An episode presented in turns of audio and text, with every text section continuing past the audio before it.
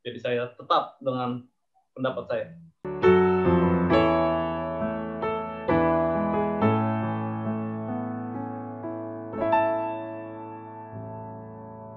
Hello guys, welcome back to our channel in the Youth Lighthouse. Thank you for coming nih. Nah, pembahasan kita pada saat ini cukup menarik nih. Karena pada saat ini kita lagi terkumpul sama bro-bro yang udah bergabung nih pada saat ini. Ada teman-teman, boleh memperkenalkan diri dulu kali ya, biar singkat, padat, dan jelas. Perkenalan nama aja, gak usah banyak-banyak, gak usah nama keluarga, nama bapak, nama ibu, gak usah cukup uh, nama aja, atau status atau yang lain boleh, silahkan. Dari yang pertama, ada siapa nih? Jody Sihombing. Boleh dong kenalan dulu, bro. Oke, baik. Uh, semangat pagi, teman-teman. Oke, semangat pagi. Ya, tetap semangat ya, sampai pagi. Iya. Pagi, malam, siang, semangatnya mesti pagi, bro. Oke, siap. Nama saya Jody Sihombing. Salam kenal semuanya. Halo, bro Jody. Apa kabar? Luar biasa. Luar biasa ya, biasa di luar. Semangat. Thank you. Kita lanjut ke teman kita nih. Ada Roy Naldi Maradona. Halo Roy. Apa kabar? Halo bro. Kabar baik bro. Wih. Selamat malam semuanya buat yang menonton ya. Karena kita saat ini malam ya, di malam hari. Nama saya Roy Naldi Maradona. Kalian bisa panggil saya Roy saja. Oke, siap. Halo, Bro Roy. Salam kenal. Oke, okay, thank you, thank you. Terus kita juga ada satu lagi teman kita nih. Ada Bro Rico Triosa. Halo Rico. Halo semuanya. Sama saya Rico. Saya masih ngerasa lucu aja sama bro-bro yang lain. Cukup cukup menghibur di malam hari. Cukup menghibur ya, padahal baru cukup opening ya, belum ada diskusi ya. Iya. Oke, okay. thank you banget nih untuk ada Bro Rico, ada Jody, sama Roy yang udah menemani kita pada saat ini. Kita akan diskusi sedikit nih, ya kan, mengenai hal-hal yang biasa mungkin terjadi atau benda yang biasa kita lihat atau yang biasa kita gunakan dalam kehidupan kita sehari-hari. Tema kita pada malam ini kita mau bahas tentang uh, koin. Ini kita mau bahas tentang koin. Filosofi koin kenapa sih sampai ada tema atau pembahasan tentang koin ini sendiri? Nah, koin ini kan kalau kita sama-sama tahu nih kan ya, ada kan ada dua sisi. Ibaratnya kalau kita dalam pertandingan sepak bola itu menentukan tim mana luar nih yang mulai kick off gitu ya. Ada dua sisi yang akan kita gunakan. Nah, pembelajaran yang mau kita ambil atau topik pembahasan kita pada malam ini, kita mau bahas putar tentang dua sisi itu sendiri atau yang biasa sering terjadi khususnya dalam pilihan-pilihan kita dalam memilih sesuatu ataupun dalam hal lainnya pokoknya dalam kehidupan kita Gitu. Nah, pertanyaan yang pertama, saya mau tanya langsung nih sama uh, Bro Roynaldi. Ya, kira-kira menurut Bro Roynaldi, koin itu apa sih? Atau filosofi yang bisa diambil dari koin itu apa, Bro? Silakan. Kalau mendengar kata koin ya, yang ada di pikiran saya itu pastinya cuan. Oh bukan. Besar atau yang lebih pastinya itu lebih ke sejarah mungkin ya. Udah sejarah ya. Apa ya? Mata uang yang dipakai pada zaman awal itu setelah barter itu biasanya kan koin tuh. Nah, koin betul. Makin ke sini kan semakin tergeser tuh adanya. Koin dikalahkan oleh uang mungkin uang kertas. Nah ke sininya lagi uang kertas juga bakal dikalahkan sama cashless kan zaman sekarang tuh. Oke okay, benar. Elektronik ya enggak? Iya betul, betul, betul. Di pikiran saya koin itu saya langsung mengingat pasti sejarah seperti itu. Jadi sejarah ya kalau ya. bahas tentang koin untuk uh, Bro Roy ini sejarah. Oke siap. Lanjut nih kita ke Jody dulu deh. Uh, Bro Jody, menurut Bro Jody koin itu apa sih filosofi yang bisa didapat atau pengertian koin menurut Bro Jody sendiri itu gimana? Koin, uh, koin itu terdiri dari empat huruf, bro. Oh ya, siap. O, I sama N. Ya iya, kan? betul. Benar. Uh, ada arti dari empat huruf tersebut? Dari masing-masingnya ada arti berarti dong ya? Artinya koin dibacanya, bro. oh, koin. Oke. Okay. Tadi jabarin berpanjang dong, Kak. Cukup menjawab, cukup menjawab. Uh, jadi kalau koin itu kalau menurut saya pribadi itu dua sisi. Dua sisi antara burung Garuda dengan angkanya, gitu kan, angka nilai koinnya. Oke. Gitu. Antara simbol dan nominal ya.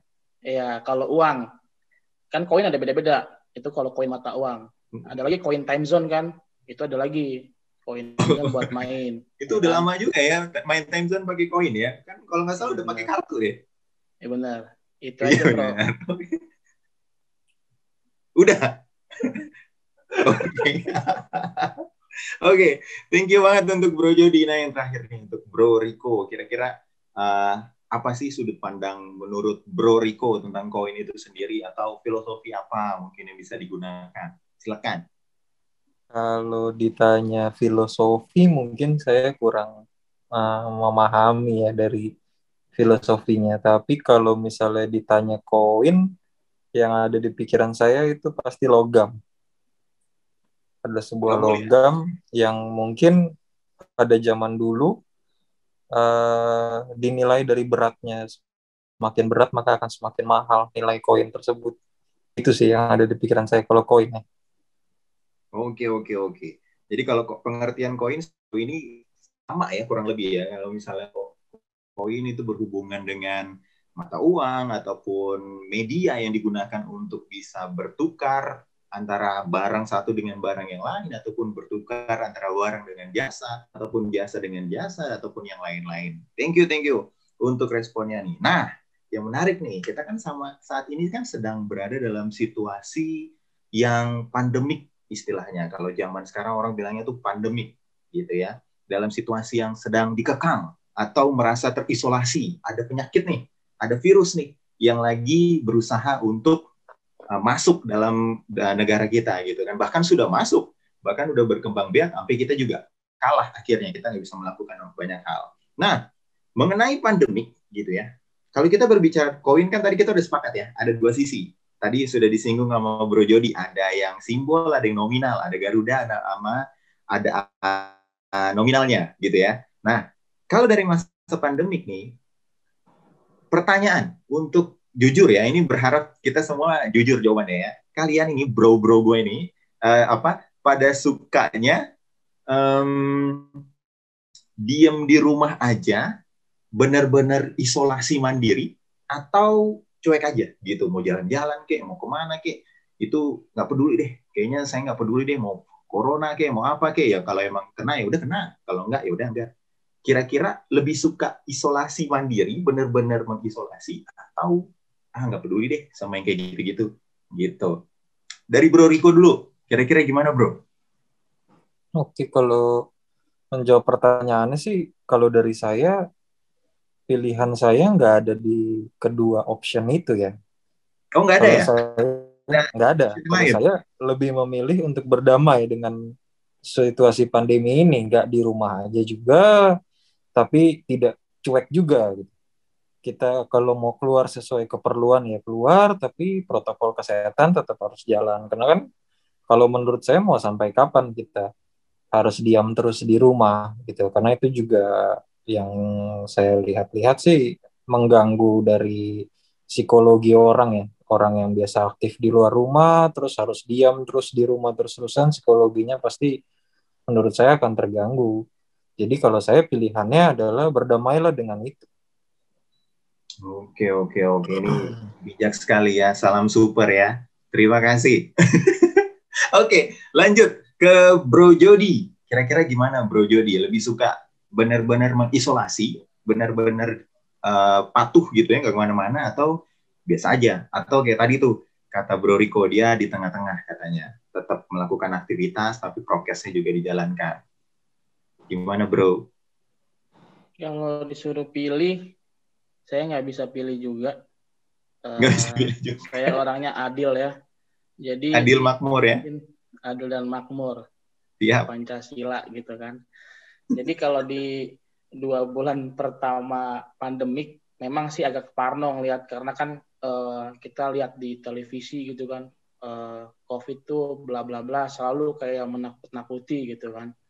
Hmm. Tapi setelah lewat dua bulan yang tadi benar kata Bro Riko, eh, gue merasakan di rumah itu eh, bosan ya. Jadi memilih untuk uh, melakukan uh, sesuatu yang memang uh, ada skala prioritasnya penting okay. atau tidak penting gitu ya uh, tapi tetap uh, menggunakan uh, protokol kesehatan gitu ya. Oke, okay. pelan-pelan ngomongnya takut. Iya, takut, ya. takut salah, takut oh, iya, salah iya, gitu ya. Okay, okay. Tapi udah betul, udah ya, betul.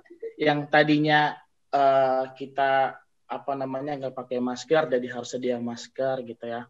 Terus yang tadinya di tas cuma dompet sama tisu basah, jadi sekarang tambahin hand sanitizer dan desinfektan kayak gitu sih. Oke, ada desinfektan yang bisa dimasukin di tas ya? Iya, di tali Oke, siap.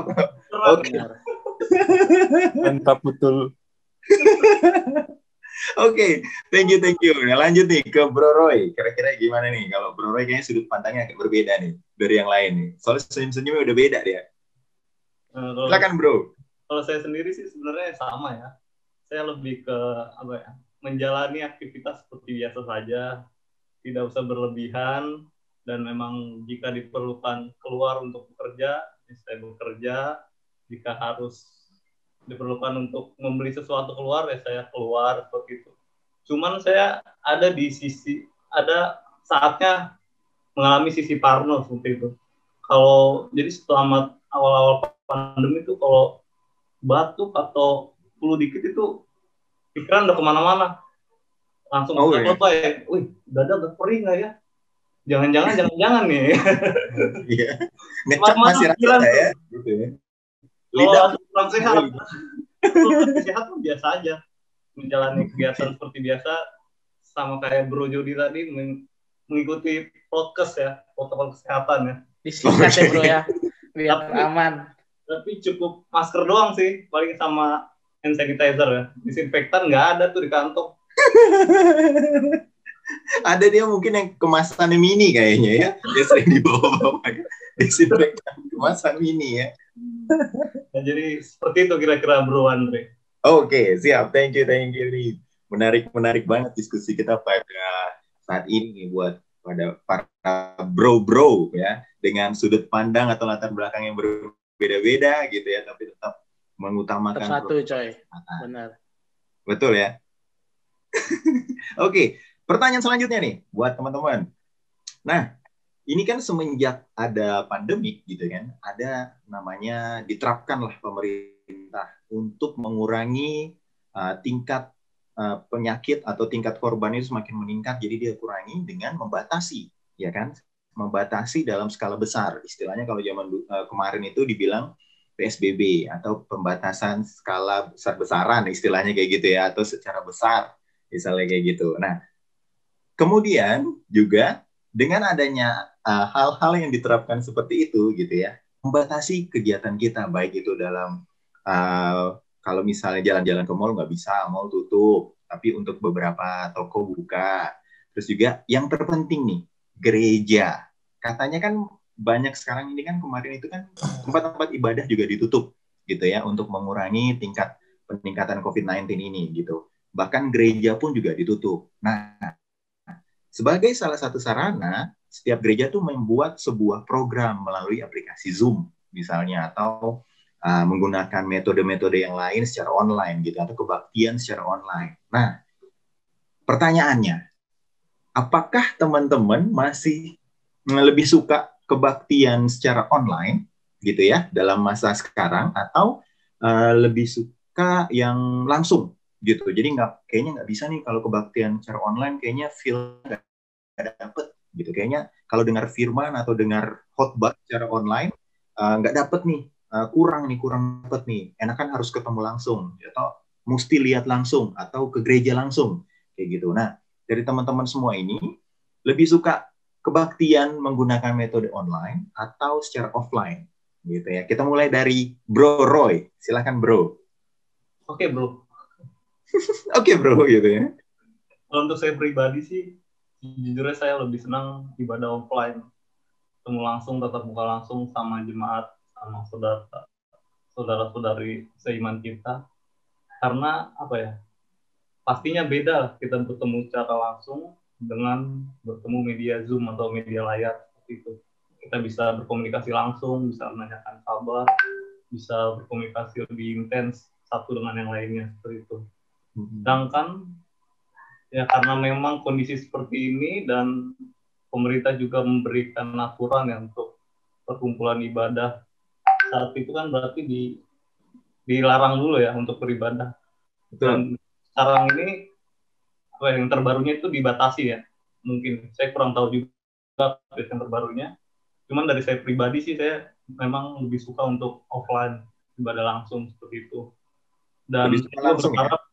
ke depannya kalaupun memang sulit ya untuk ibadah offline 100% karena mungkin dibatasi dari usia mungkin contohnya terus kuantitas juga dibatasi mungkin kalau kayak kantor kan 25 persen tuh ya kantor-kantor di Jakarta ya 25 persen katanya gereja-gereja juga dibatasi berapa persen jadi mungkin apa ya solusinya mungkin offline tetap diadakan sambil juga online berjalan seperti itu jadi mungkin yang orang-orang tua kita yang manula mungkin bisa ibadah melalui Zoom atau online kita yang masih muda, yang masih anak-anak, yang daya tahan tubuhnya masih kuat, bisa mengikuti ibadah offline. Seperti itu, bro. Oke, siap. Menurut Bro Roy, kira-kira mempengaruhi iman kerohanian seseorang nggak sih kalau kebaktian secara online?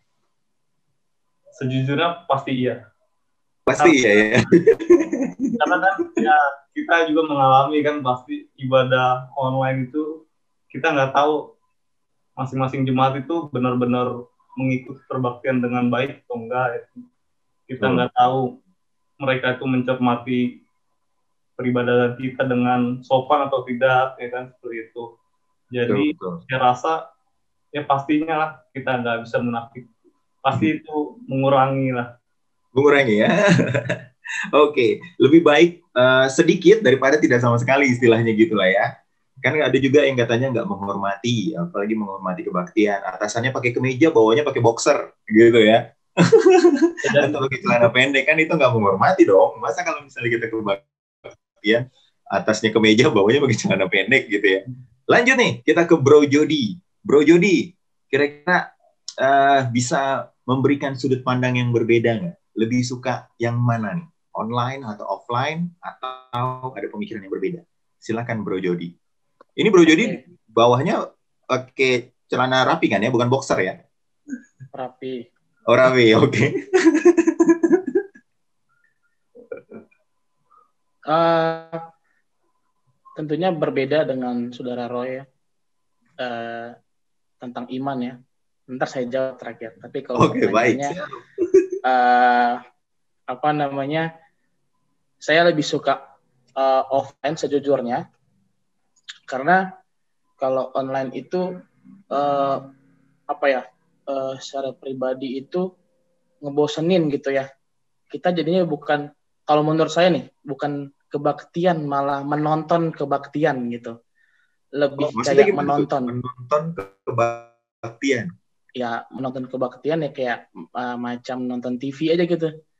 Oh, ya kan? oke oke oke. kalau kebaktian kan kita ya langsung gitu ya. Itu tergantung orang sih tapi ini kan pendapat saya pribadi kan gitu. Iya uh, boleh dong uh, iya. uh, benar. Uh, menonton uh, kebaktian. Memang waktu awal-awal sempat kayak aneh aja sih gitu kayak aduh mesti kayak gini kah? gitu. Mungkin sebulan dua bulan tadi sebulan dua bulan masih mengikuti ya dari dari online. Tapi setelah itu uh, saya lebih uh, ke offline sih gitu. Kenapa? Karena di offline kita bisa bertemu satu sama dengan yang lain gitu ya, saling menguatkan. Kan kalau online selesai online sudah selesai gitu kan. Nggak nggak apa namanya nggak bisa bertemu dengan yang lain. Mungkin saya juga dari dasarnya orangnya yang nggak yang nggak mau diem ya. Jadi kayak mau ke sana ke sini gitu ya. Gitu. Oh, gitu Jadi ya. memang aktif ya istilahnya ya. Iya, aktif. Ya, kan kayak janji PA ya harus aktif dalam membantu oh, iya. pekerjaan Tuhan, benar kan? Oh, Oke, okay. siap. Iya, benar-benar. Itu sih paling sudut pandang dari saya. Oh, uh, sudah Bro, ya? Andrew, Jadi iya, imannya itu katanya udah itu ya? Oh, kalau kalau iman itu, kalau tanya imannya itu mempengaruhi apa enggak, itu sebenarnya, nah kalau kita mempunyai dasar iman yang teguh, sebenarnya apa pun yang terjadi mungkin tidak mempengaruhi, bro. Waduh, puji Tuhan, gitu yang mantap ya. Benar-benar. Yang penting dasar. Itu sih kalau sudut kokoh pandang. Benar, benar. Mungkin ini juga jadi eh, apa namanya eh, masukan juga ke Bro Roy ya. Oke. Jadi biar kita sering-sering bersekutu dengan Tuhan, membaca Alkitab. Jadi biar eh, kita tidak walaupun saat begini mau online mau offline iman kita tetap eh, teguh ya Bro Roy ya. Oke, amin. Iya, iya. Tapi kita belum pernah ibadah online bareng kayaknya. Sudah yang pertama Belum. Oke. oke. Nanti Eh, kapan online ibadah online pemuda kan? Kebaktian pemuda dulu. Awal-awal kan saya masih muncul-muncul. Oh gitu. Setelah sini udah Iya. luntur. ya? gitu. Bro Roy ini kayaknya melupakan masa lalu kayaknya. Suka melupakan masa lalu. Oke, thank you. Kita pertanyaan yang terakhir nih buat Bro Rico atau uh, kira-kira gimana nih Bro Rico? Ada jawaban yang berbeda juga mungkin? Tadi kan Bro Roy dengan Jody sudah bertolak belakang nih istilahnya gitu ya setiap jawabannya gitu. Kalau Bro Rico gimana nih? Silakan Bro. Ya, kalau saya sih sebenarnya ya, tadi saya sempat kan ada eh, saya sempat dikirimkan pertanyaannya yang akan dibahas tentang topik hari ini. Jadi dari saya baca pertanyaannya tuh tentang eh, apakah saya orang yang suka gereja atau kalau nggak gereja nggak apa-apa, gitu. Nah di di pertanyaan itu yang harus digarisbawahin sebenarnya kalau intinya adalah ke gereja atau gerejanya. Nah, kalau saya adalah tipikal orang yang gereja itu nggak harus ke gereja. Karena gereja itu menurut saya di mana pun Anda, di mana pun kita, itu bisa gereja. Itu menurut saya, saya secara pribadi. Karena gereja itu cumanlah sebuah tempat yang yang kudus gitu loh. Bahkan eh, mungkin semua kita juga di sini tahu bahwa untuk mencari Tuhan bukanlah ke gereja, tapi melalui Alkitab. Itu pasti udah udah kita tahu. Jadi kalau kita mau cari Tuhan, bukanlah dengan kita gereja ke gereja, bukan. Tapi dengan kita baca Alkitab dan bergereja dengan ya hati kita sendiri. Kalau saya seperti itu. Jadi kalau ditanya lebih pilih lebih enak offline atau lebih enak online bagi saya sama aja. Hanya saja ketika offline ya sosialisasi kita bisa bertambah. Gitu. Jadi eh, kalau menurut saya pribadi kalau saya saya bilang online itu bosan bukan bukan ibadahnya yang bermasalah. Tapi sosial saya sosialisasi saya yang bermasalah. Saya butuh sosialisasi kalau menurut saya gitu.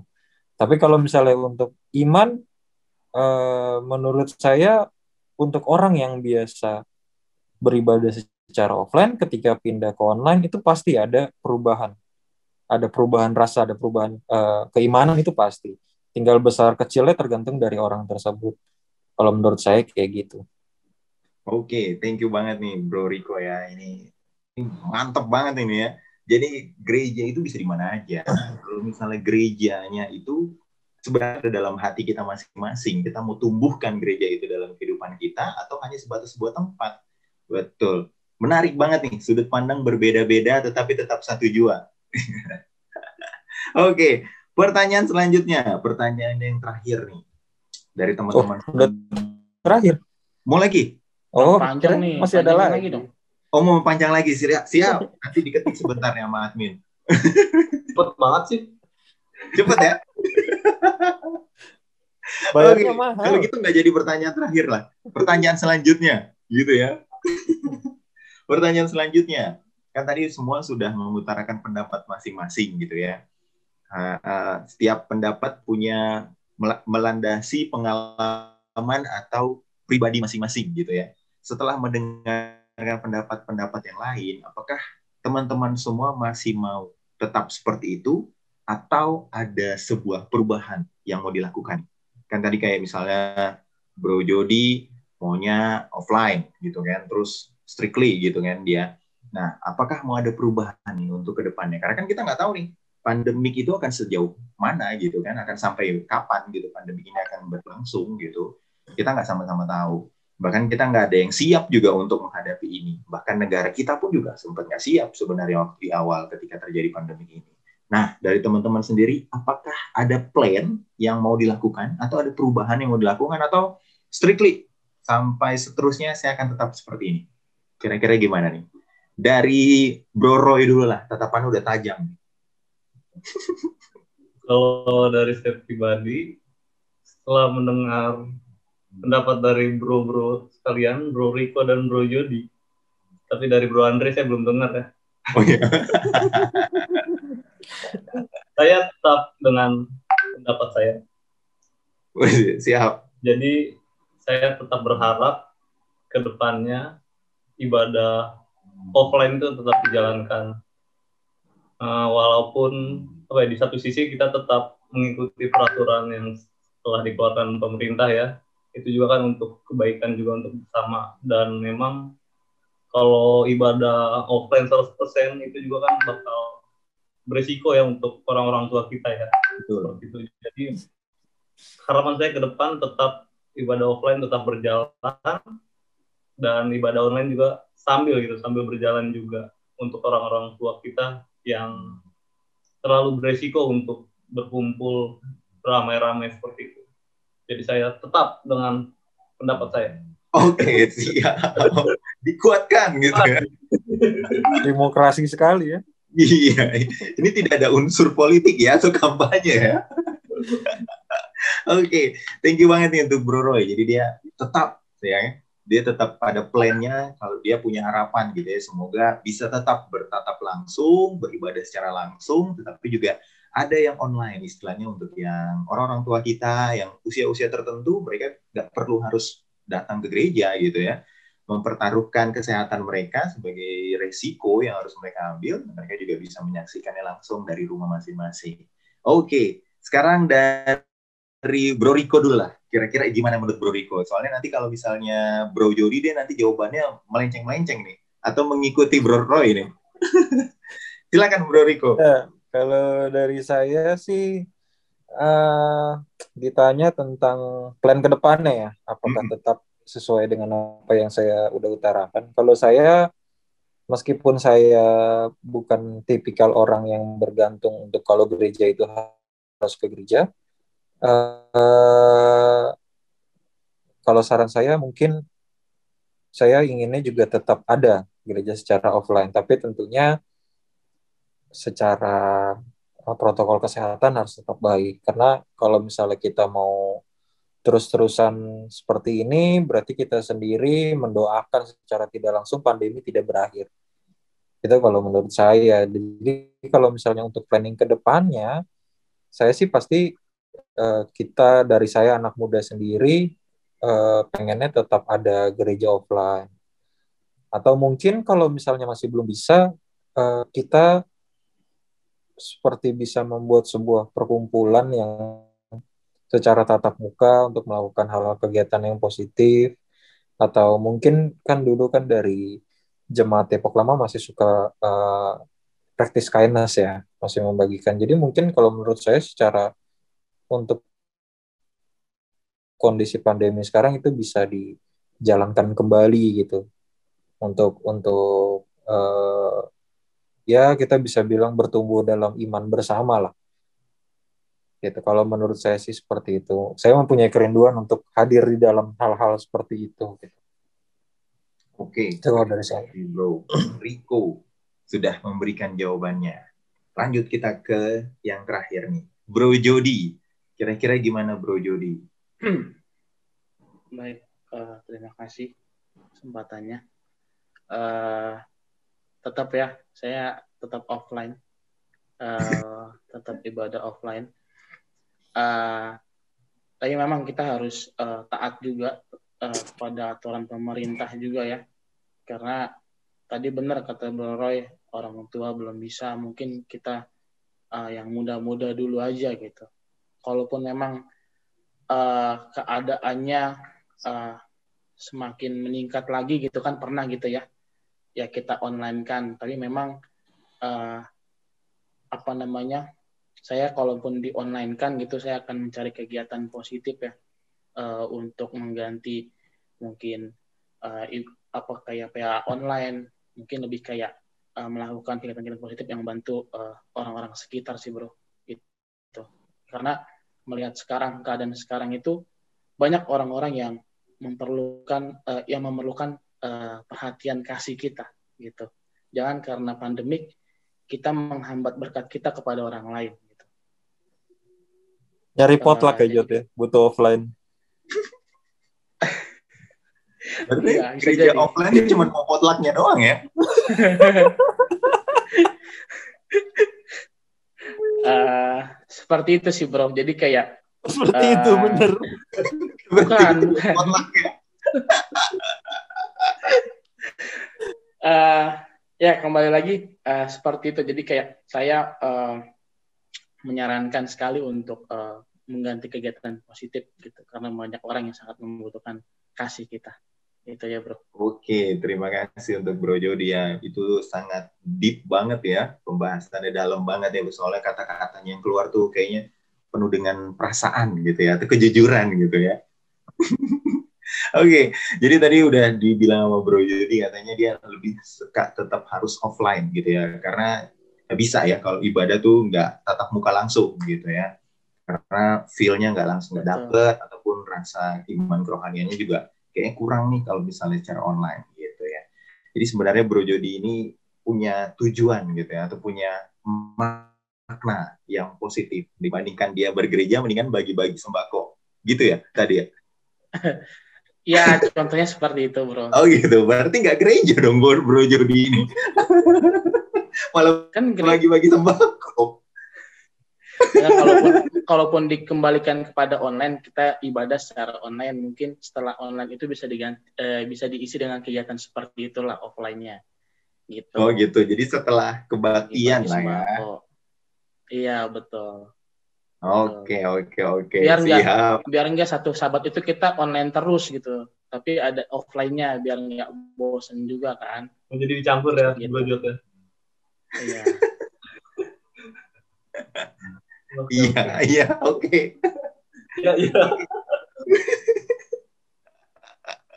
Oke, terima kasih teman-teman semua sudah boleh berpartisipasi pada malam hari ini. Kita sudah boleh berdiskusi mengenai opini atau pendapat masing-masing gitu ya. Tadi udah jadi pertanyaan terakhir ya. Tadi admin nggak ngetik apa-apa, jadi kita tutup aja.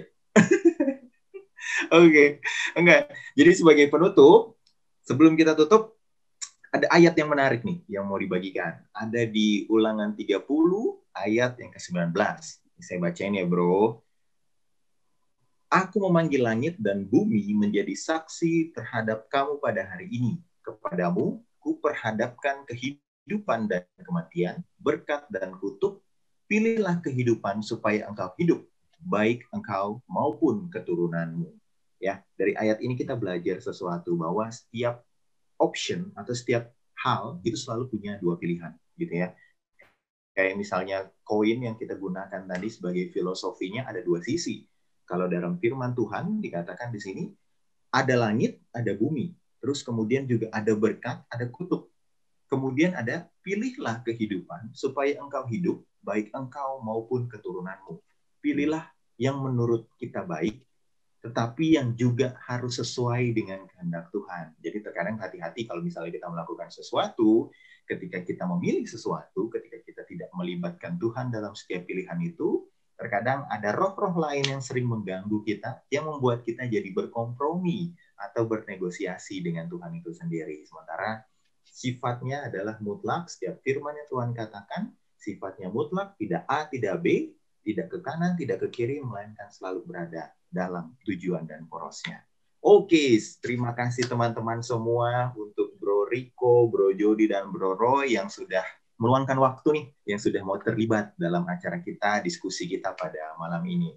Dukung terus ya untuk channel kita Youth Lighthouse podcast ini supaya kita bisa menjadi berkat untuk orang-orang maupun bisa membagikan kabar-kabar kebenaran tentang firman Tuhan. Kiranya Tuhan memberkati. Terima kasih. Tapi sebelum itu, kita punya yel-yel. Kalau misalnya dibilang Youth Lighthouse Podcast, teman-teman langsung bilang Big Light. Gitu ya? Oke. Okay. Oke. Oke. Oke, sebagai penutup, kita mulai. Youth Lighthouse Podcast. Be the light. Oke, thank you semua. Thank you, thank you. Terima kasih. Selamat malam. Tuhan berkati.